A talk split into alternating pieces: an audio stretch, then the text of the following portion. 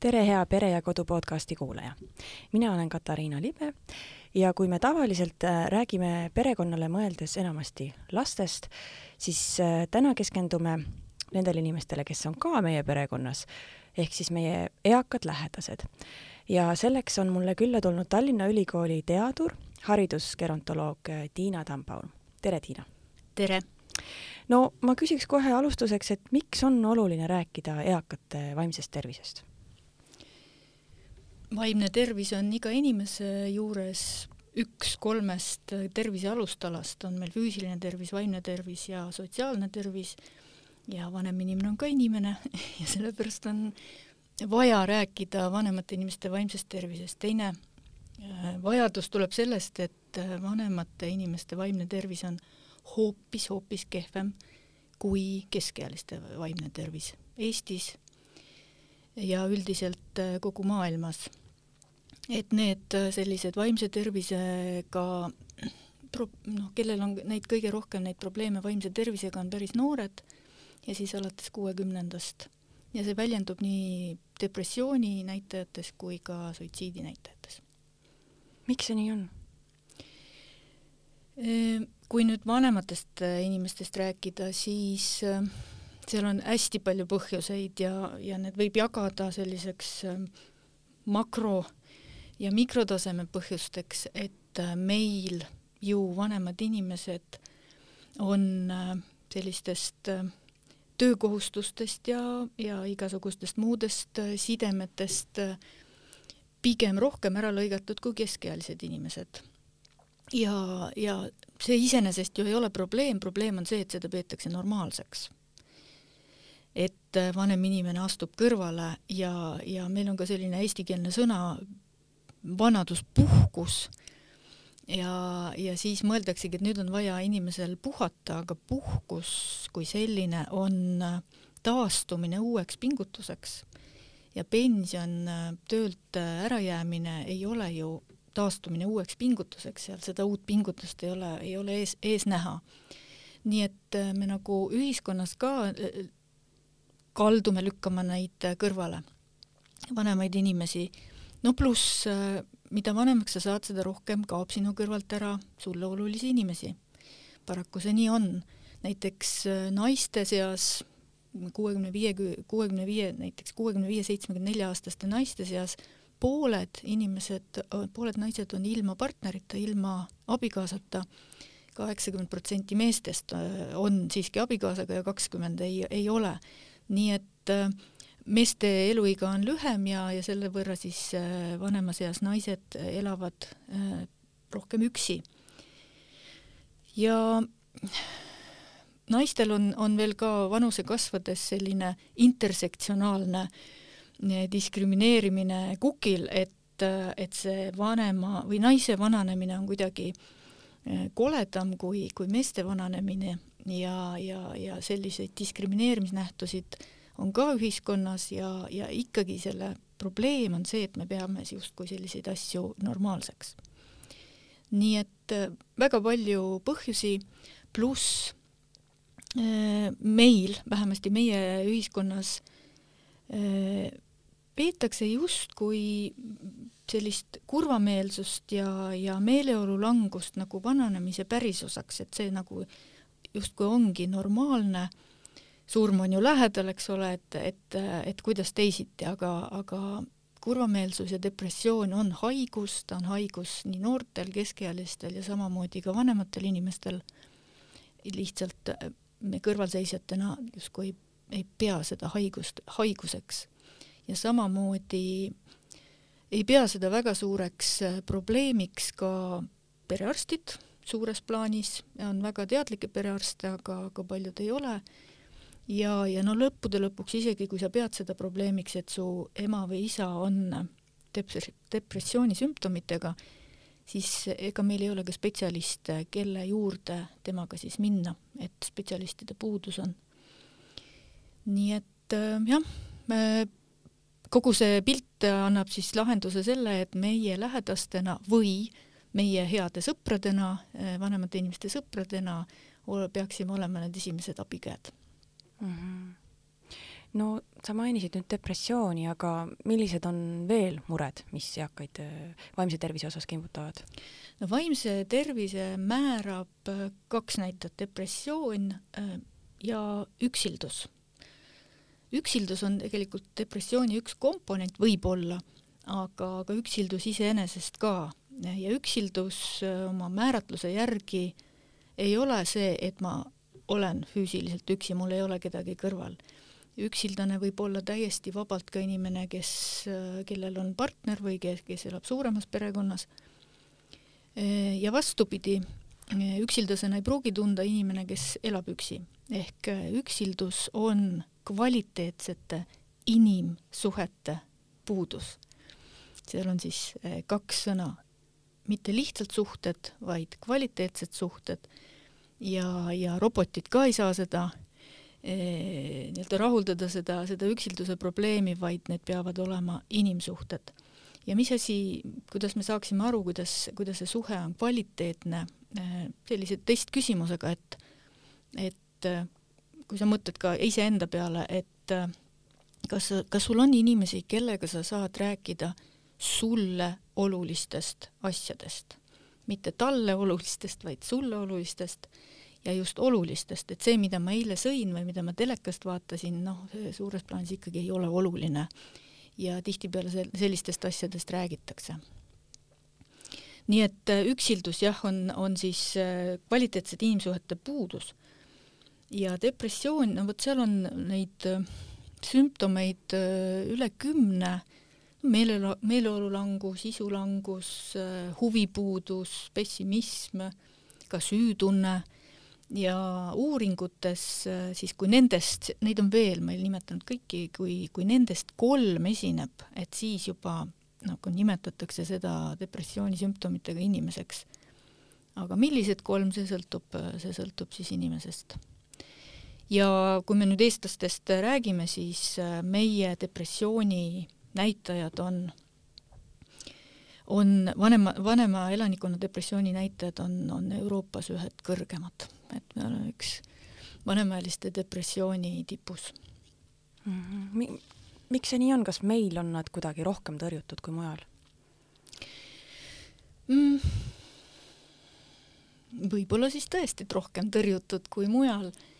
no tuleb ka sellest meie lähiajaloost, et, et inimestel seal, kui meil uus iseseisev riik tekkis, siis see generatsioon, kes nüüd on siis jõudnud väga vanasse ikka, no neil toimus ikka tõsine katkestus ja, ja osad ei saanudki joone peale, ei, ei saanud äh, jätkata oma senise tööga, ei, ei olnud ka võimalik uut, uut ametit õppida, ehk ta juba lõikas suurel määral juba sealt ära, siis meie tervis on samamoodi kehvem, vanemate inimeste tervis võrreldes paljude teiste riikidega. puudeid on ja, ja tervisepiiranguid on palju.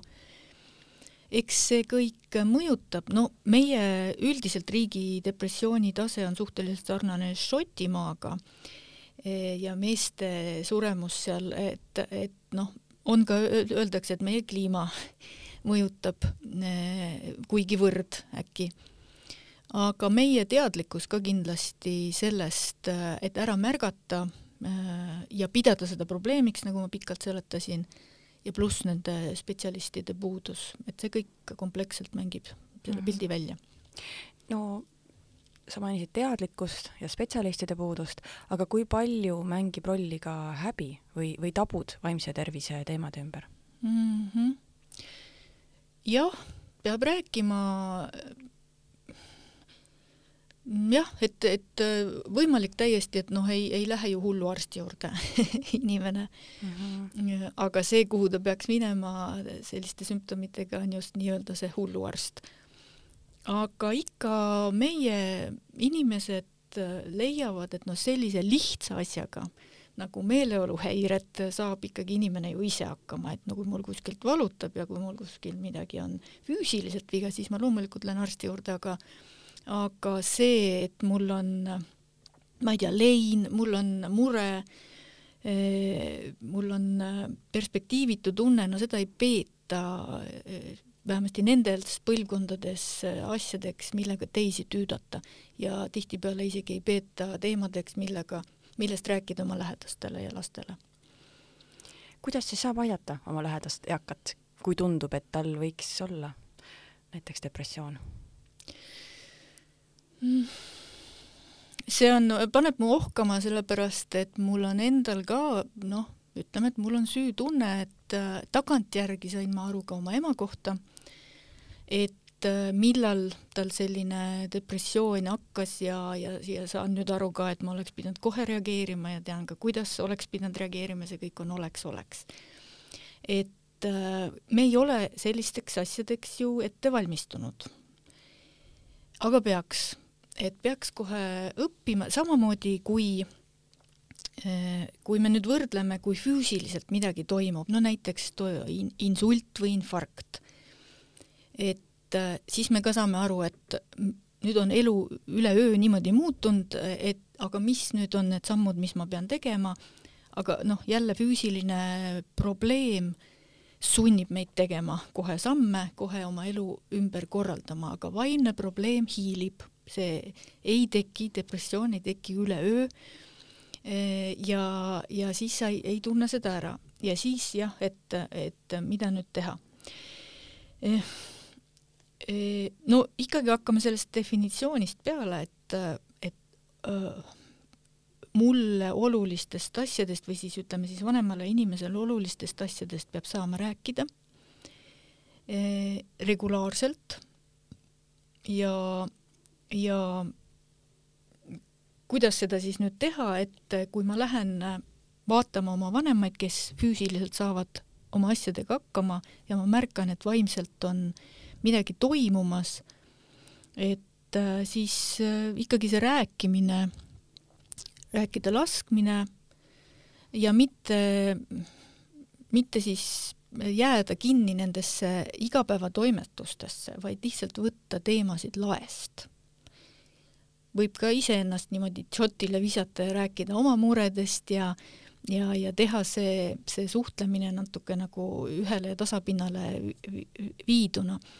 või siis kasutada, mis mina hakkasin tegema näiteks oma, oma emaga, oli, et võtsin lihtsalt äh, raamatust selliseid huvitavaid ülesandeid, mis viisid, äh, tekitasid uusi seoseid, viisid uutele, uute teemade peale ja, ja see oli minu jaoks ajend, kuidas siis äh, algatada vestlust. Ja, ja, ja, ja üldse mitte siis urgitseda, et mis sul muret on ja räägi nüüd oma murest, vaid, vaid minna hoopis teisele leheküljele ja tegeleda viienda asjaga, aga rääkida, vestelda, naerda, äh, jagada võrdselt äh, nagu võrdne võrdsega kogemusi, oma arvamusi, mitte päevapoliitikast, mitte sellest, mis telekast tuleb, vaid hoopis nii-öelda laest võetud teemadega, mis viib ta minevikku, tuletab asju meelde elust. Äh, need vestlused kokkuvõttes üldse vananemise selline suur ülesanne, mis tuleb siis in igal inimesel vaimsel tasandil läbi teha, on mõtestada oma elu. et saada aru, Mm, tekitada sellist eluga rahulolu, eluga rahulolu tähendab oma minevikuga rahulolu. Et ma olen midagi korda saatnud, et ma olen paljusid asju kogenud, kõike seda ja seda on lõputult, sest inimesed on pika elu ära ja elanud ja, ja lõputu arutelude teemade ring on seal.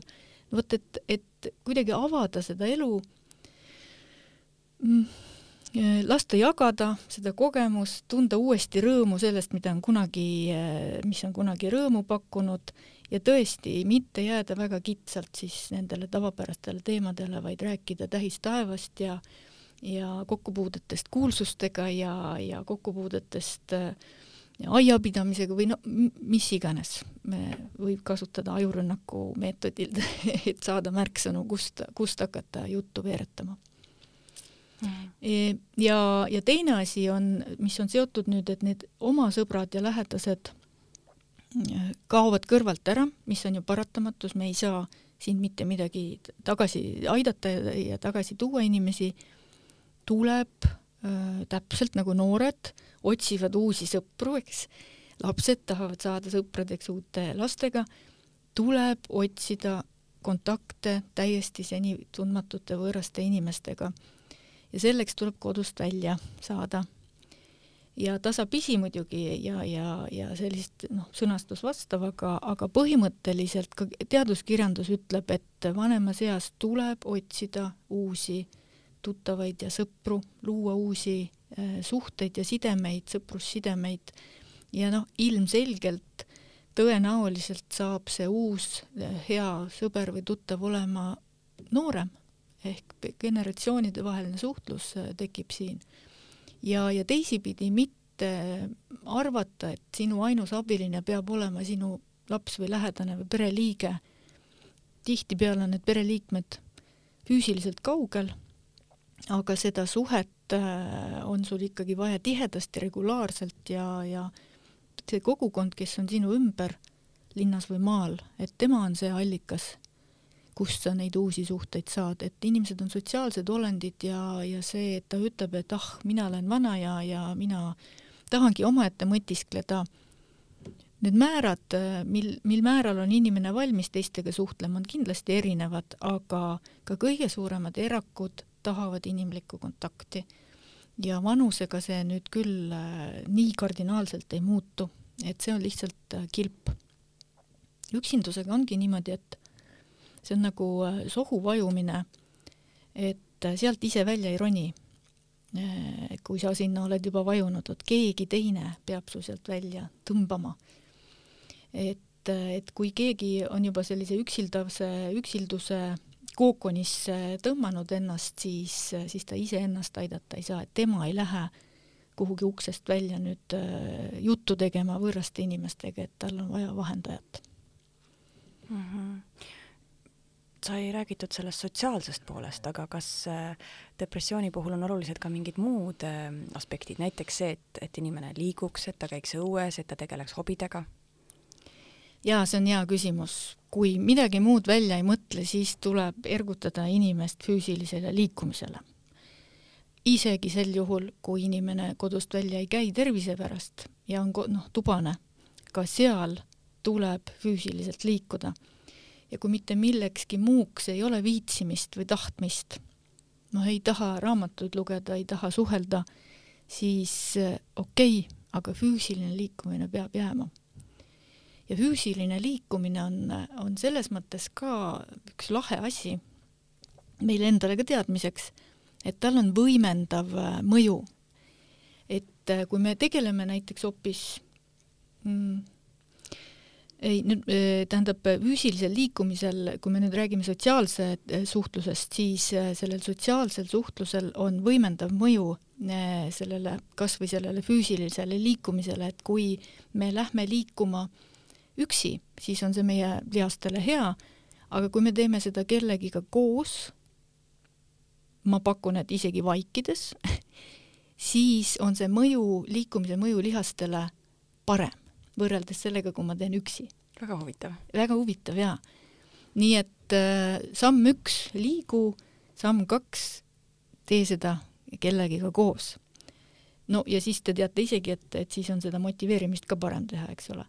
Aga jaa, meie saame nüüd kõrvalseisjana tõesti ergutada, küsida, kas sa käisid täna, tegid oma tiiru äh, väljas noh, tunnustada või näidata vähemasti küsides, et, et see on väga oluline.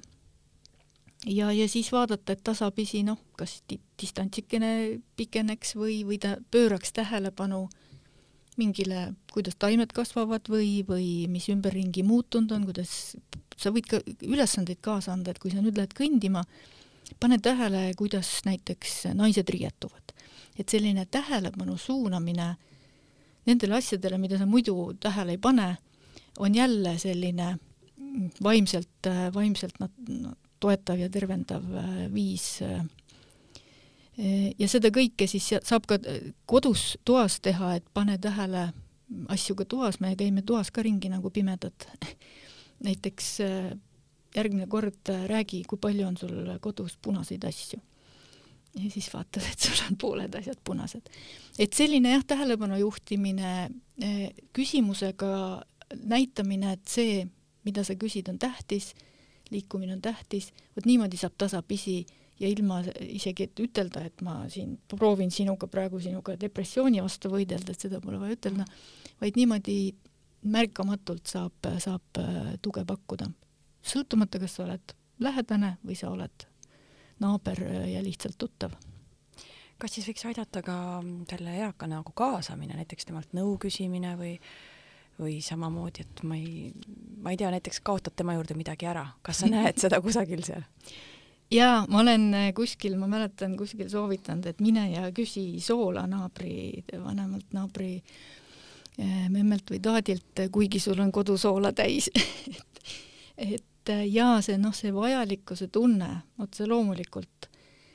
Ja on ka selliseid kogemusi, kus äh, no naaber loeb ise ajakirja perekodu või, või, või mis iganes läbi ja ütleb, et ma annan sulle, et täitsa, täitsa muidu, et loe sa ka või tellidagi ajalehed kamba peale. aga mis nagu suuremas plaanis on, et võiks me mõtelda aitamise ja, ja koos tegemise nagu erinevust et me väga tihti vanemaid inimesi ikkagi kaldume aitama. ja see neid äh, aitab vähe. et aidata on muidugi vaja asjades, mis käib üle jõu. Ükskõik kas füüsilis-, füüsiliselt või siis noh, näiteks on vaja kuhugi uude kohta haiglasse minna mingit protseduuri tegema ja, ja see, see inimene lihtsalt eksiks seal ära. Nendes asjades tuleb muidugi aidata aga sellistes igapäevastes asjades me peaksime tegema äh, mitte tema jaoks, vaid temaga koos. ehk midagi, mida on mul vaja teha ja kus tema saab ka rakendada ja on tema jaoks tähtis asi. Ja siis me ühise eesmärgi poole äh, liigume koos. ehk mitte siis vanema inimesega ka, vanema inimesega, vaid vanema inimesega koos. Jälle, et noh, võtame näiteks äh, kaks näidet, et puurida ladumine, see on aitamine, sest äh, üksi füüsiliselt ta ei saa seda teha, aga mingisuguste peenarde tegemine, noh, mina tahan sinna ka panna oma mingisuguse lille eksperimentaalse ja, ja tema tahab ka midagi panna ja siis me koos äh, näiteks teeme selle peenra Äh, ja, ja seal on nagu minu tahtmised ka sees, et mina lihtsalt ainult ei aita, tema määrab, mis sinna käib, vaid me teeme seda koos. ja samamoodi lastega, et, et ma väga, ma olen kuulnud juba õnneks ka, et koolid kaasavad vanaemasid ja vanaisasid ja vanavanaiemasid ja vanavanaisasid ehk see kooli ülesanne, mis, mis klassis antakse, ongi selline, et mine ja uuri nüüd sellelt vanemalt inimeselt seda, teist ja kolmandat. ja mitte ainult ajaloo kohta, et kuidas vanasti kõik oli, vaid äh, ka seda, et noh, mis tema praegu näiteks arvab või mida tema, kuidas tema oskab ilma ennustada näiteks. just nüüd ja praegu, mitte kuidas tema vaarisad seda tegid. nii et kaasata sellesse kooli äh, elusse ka vanemaid inimesi lapsel on siis oma eesmärk ja vanemad inimesed saavad aru, et nemad aitavad eh, nüüd kooliprogrammile kaasa. rääkimata mingitest käsitöödest, eh, ma ei tea, näidan siis eh, mingisuguseid kangaid otsida, väga paljudel vanematel inimestel on kangaid, või siis vastupidi, et lapsed saavad, ka koolilapsed saavad aidata vanemaid inimesi minna poodi tutvustada näiteks ja julgustada ostma second-hand'ist, sest võib juhtuda, et sellel generatsioonil on nagu ka mingi tõrksus minna teiste kantud riideid muretsema endale, et seda õpetada. Ja, ja, ja samas see vanem inimene saab, saab jagada mingeid muljeid, et voh, see lõige oli siis või, või või see tuleb tuttav ette, ehk selliseid ühiseid, ühise eesmärgi täitmisi äh, peaks äh, korraldama endale seoses vanemate inimestega minu põlvkonna puhul on hea näide kindlasti vene keele õppimine, sest mina vene keelt ei oska, aga noh, minu, minust vanem põlvkond on see, kes oskab, et nemad saavad siis lapsi selle juures aidata. jaa, see on väga hea näide, aga ideaalne on ka see, selle ühise eesmärgi äh, püstitamine, no näiteks poole aasta pärast tuleb keegi siia teile külla Äh, kes siis äh, kellega peab, peab hakkama vene keeles rääkima ja siis sa tood ta selle vanavanemma juurde ka. et pool aastat õpime, eks ole, ja vanavanema siis ka saab endale külalise, kellega vene keeles rääkida võib-olla näidata, kui, kui lahedalt temal see välja tuleb. ehk et see, see, see ühine eesmärk ja üksteisele selle jagamine, mitte ainult, et õpeta mulle, minul on vaja eh, sidumine rohkem, eh, see on, see on, teeb asja veel paremaks ja on siis ka vanemal inimesel midagi oodata, sest eks see depressioon, pessimism, huvipuudus, no kõik need ju näitavad, et puudub tulevikutunne, et pole midagi oodata. mind pole vaja, mul ei ole mitte midagi aasta, järgmisest aastast oodata, et seda perspektiivi tuleb aidata luua mm. -hmm, hästi, aga lähme nüüd äh, karmima teema juurde, milleks on siis eakate enesetapud. kui suur probleem see Eestis on? See on väga suur probleem, suitsiidid äh,. tuua näiteks äh, kaks tuhat üheksateist äh, Eestis lahkus oma käe läbi elust, mis sa pakud, mitu inimest Eestis? üldse kokku? jaa, ühes aastas, kaks tuhat üheksateist. äkki paarsada? Mhm. kakssada kaksteist inimest mm.. üle maailma öeldakse, et et, et umbes miljon aastas, mis tähendab, et iga neljakümne sekundi järel keegi. see on nüüd kõik vanused kokku, aga kui me vaatame vanusegrupiti, siis eh, noh, üks suur riskigrupp on jälle kahekümnendates aastates inimesed ja kuuskümmend pluss. Ja kuuskümmend pluss isegi rohkem kui kahekümnendates aastates inimesed, nii et ja see on Eestis nii ja see on, on noh, üldiselt maailmas ka see tendents. nii, et äh, jah, vanemate inimeste enesetapud on väga suur probleem. ja see on muidugi selle noh, eks ole, väljendus, mis me enne rääkisime, et kaob ära see, see perspektiiv ja kui nüüd va-, rääkida veel detailidest, siis äh, meestel, äh, vanematel, sealjuures siis vanematel meestel on see tõene-, noh, on neid rohkem, meeste seas on enesetappe rohkem, no koguni nii, et ütleme, nelja mehe kohta üks naine on see suhe ja, ja vanematel inimestel, alati kui me rääkida enesetappudest, siis räägitakse ka enesetapukatsetest. ja vanemad inimesed teevad seda nagu kindlama käega, et et selliseid ebaõnnestumisi äh, halvas mõttes on, on vähem. et, et et muidu on selli-, maailmas on, ütleme, iga enesetapu kohta on kakskümmend äh, katset, aga vanemas eas äh, inimeste puhul on see, on see suhe väiksem. kuidas seda ennetada?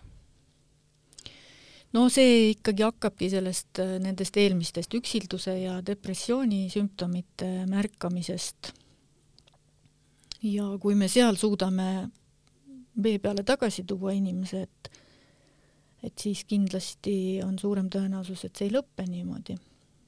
aga noh, jah, nii et see ongi vastus, et et tuleb tõsiselt võtta, et meile, meile justkui, meile tundub, et vanemad inimesed on elujaatavamad selles mõttes, et nad on positiivsemad ja ja mõistlikumad, eks ole, et, et nemad justkui midagi sellist ette ei võta aga kui me statistikat vaatame, siis me võiksime jah, selle endale meelde jätta, et seal on, on see risk isegi suurem kui keskealistel mm. -hmm.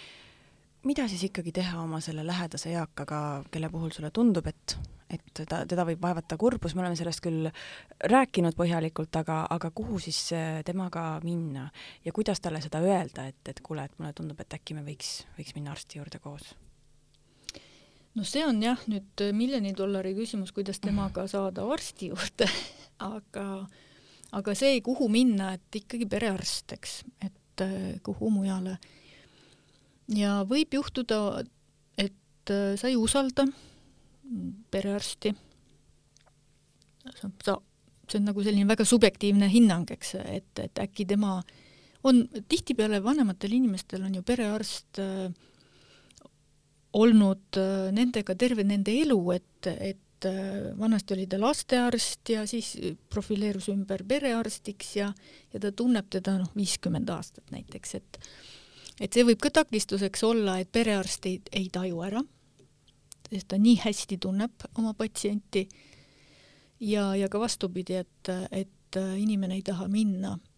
aga siis äh, tuleb siis psühhi, psühhiaatri suunas kuidagi saada see saatekiri.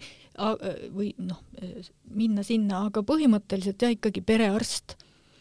Ja, ja rää, minna siis koos lähedasega ja perearst võiks rohkem kuulata isegi lähedast, sest äh, inimesed, kes siis on selliste depressiooni sümptomitega, ega nad oskavad ka väga hästi seda varjata.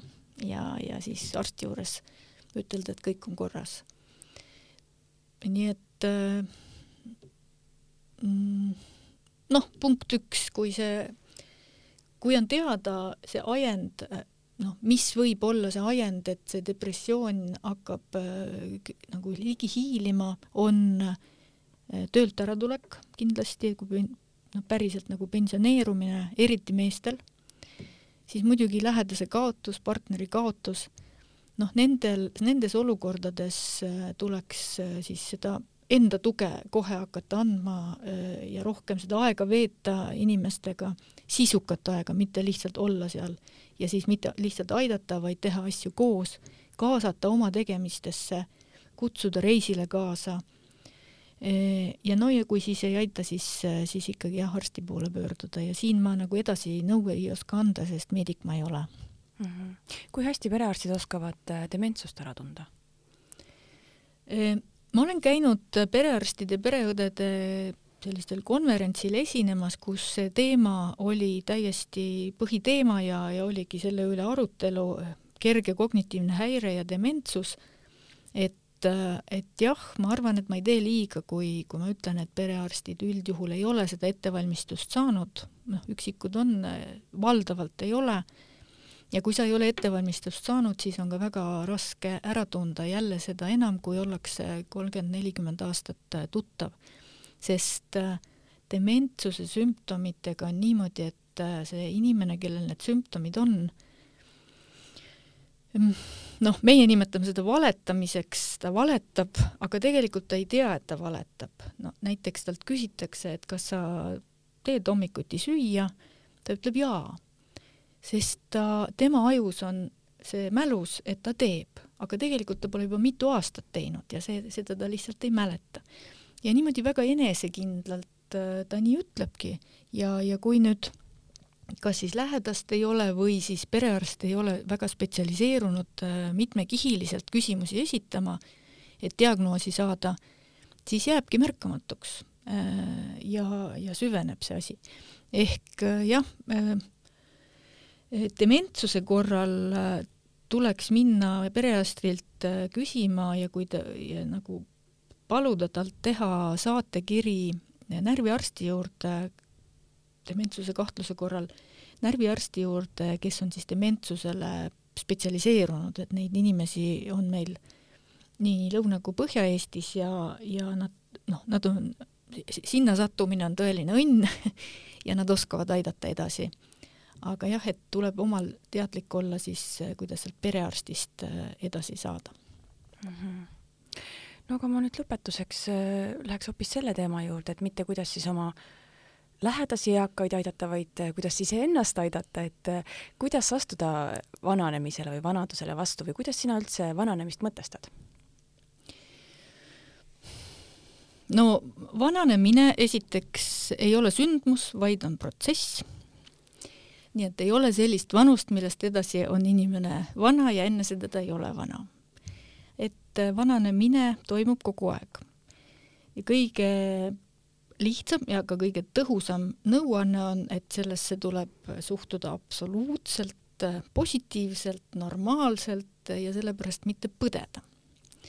ja see, mis sa pead tegema, on see, mis sa tegelikult arvatavasti siin saates olete kogu aeg rääkinud, tuleb juurutada enda juures tervislikud eluviisid, liikuda, süüa mitmekesiselt ja nii edasi. ja siis sellega sa juhid ka oma vananemist, kui sa niimoodi suudad elada, siis on ka juba noh, kindel, et suure tõenäosusega on sinu tervis vanemas eas äh, ka hea ja, ja nii vaimne kui füüsiline. teine asi, mille peale tuleks mõtelda, ongi see sotsiaalne tervis. Et need sõbrad, need tuttavad, kellega rääkida olulistest asjadest. kusjuures äh, ma ei tea, kas see on anekdootlik või või see nii on, aga, aga kui sul on sõbranna, siis pange tähele, kas te mõlemad, kas te olete üksteisele sõbrannad selles mõttes, et te mõlemad saate üksteisele rääkida teile olulistest asjadest või räägib ikkagi üks ja teine kuulab. Eh, aga noh, see selleks, et need suhted ju ei teki eh, üleöö, neid tuleb eh, luua, arendada, hoida. Ja kui sa sellega ei tegele keskeas ja ei harju sotsiaalseid üritusi pidama sama tähtsaks kui töö ja, ja hool, hoolitsemine teiste eest, mida ei saa ju edasi lükata, need sotsiaalsed üritused, läbikäimine, küllaminek, kogukonna tegevus, see on, see on niisama tähtis kui praegu D-vitamiini süüa, sama tähtis ja neid ei tohi nii-öelda tähtsamate äh, jutumärkides ülesannete kõrval, nagu ülesannete juures kõrvale lükata.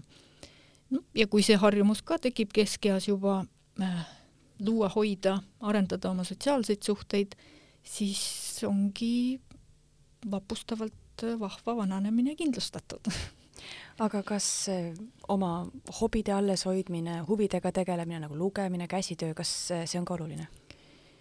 nojah, ja läbi selle tulevad need äh, sotsiaalsed suhted ju ka tihtipeale. nojah, meestel on see eriti tähtis, et mehed rohkem on keskendunud oma, oma tööeas sellele tööle ja ja hobisid suhtlemist on vähem, et neile rohkem seda südamele panna, et jah, hobidega tuleb tegeleda, õppida vahvaid asju, mis endale rahuldust pakuvad aga huvitav on see, kui me, kui ma loen seda kirjandust, mis räägib pensionile minekust, sellest transformatsioonist, sellest üleminekust, noh, et siis on vaja asendada see töö nüüd millegi sisuka arendavaga. ja, ja siis on näidatud, et ega sa sellel momendil midagi päris, päris uut ei võta külge sa ikkagi pöördud nende asjade poole, millega sul on olnud kokkupuudet ja ütlevad isegi, et kui sa oled hädas, noh, sa midagi nagu ei tõmba, siis mõtle, mis sind tõmbas lapsepõlves ja millega sa võib-olla ei ole viiskümmend, nelikümmend aastat äh, kokku puutunud. võib juhtuda, et sa leiad sealt. aga jah, äh, sul on see baas ikkagi vaja luua, millelt edasi liikuda, et, et arvata, et oh, kui ma nüüd aega tekib, küll ma siis äh, hakkan igasuguste päris uute asjadega tegelema, siis äh, see ei pruugi õnnestuda mm. -hmm. paljudel meist võib olla neid asju, mis lapsena väga sütitasid, aga siis tuli pere ja, ja töö ja ei olnud aega sellega tegeleda ja nüüd võib ju selle uuesti üles otsida. ja et kui teadlikult hakata mõtlema, mis sa siis tegid, sa võid sealt avastada, oh mm. -hmm. see on nüüd see, millega ma lähen edasi. aga selleks peab ka lapsepõlves olema kokku puutunud igasuguste asjadega, et ehk, ehk kogu see sinu elu, elu äh, mitmekesisus ja kvaliteet mõjutab otse loomulikult ka sinu elukvaliteeti vanemas eas -hmm. aga ma saan aru, et märksõna ikkagi on inimsuhted nii, nii enda vananemisele mõeldes kui ka oma lähedastele mõeldes. jah just, nagu said näide toodud, et suhtlemine aitab isegi lihaseid rohkem treenida, et tal on see võimestav jõud. ta peab olema asi iseenesest, aga tal on veel võimestav jõud ka mm. -hmm. aitäh, Tiina, selle väga sisuka ja, ja, ja silmi avava vestluse eest. aitäh kutsumast! aitäh, armas kuulaja, et meid ära kuulasid. loodan, et sulgi oli huvitav ja järgmine saade on ikka üleval nädala pärast